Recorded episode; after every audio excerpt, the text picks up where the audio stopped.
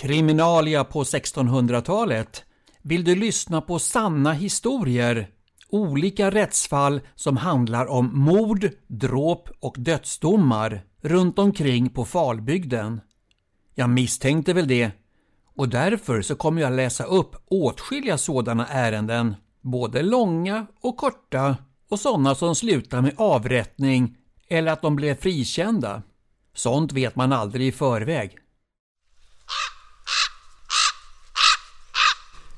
Kriminalia Rättsfall från Falbygden runt mitten av 1600-talet som berör mord, dråp och dödsdomar.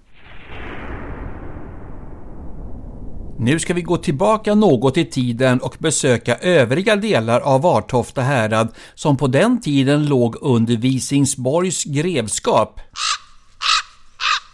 Så, laga ting i Visingsborgs grevskap den 7 december 1635 i Grimstorp som ligger i Sandhems socken. Då kom Bengt Axelsson i Åsaka samt Lars i Grimstorp och förfrågade sig om ett arv angående just detta Grimstorp där Lars nu bodde. Före honom bodde här Jöns Nilsson som blev ihjälslagen, men han hade inga barn eller barnbarn, inte heller några samsyskon eller några barn från sådana syskon.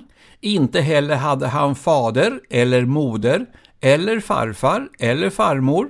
Inte heller någon morfar eller mormor eller farbror, men väl två fastrar och den ena hette Karin och den andra hette Ingrid och hon var hustru till nämnde Lars som nu bodde i Grimstorp. Och dessa båda är en grad närmare i släkt i bakarvet än vad denna Bengt Axelsson är. Då dömdes arvet till de som är närmast och således kunde Lars och hans hustru bo kvar där.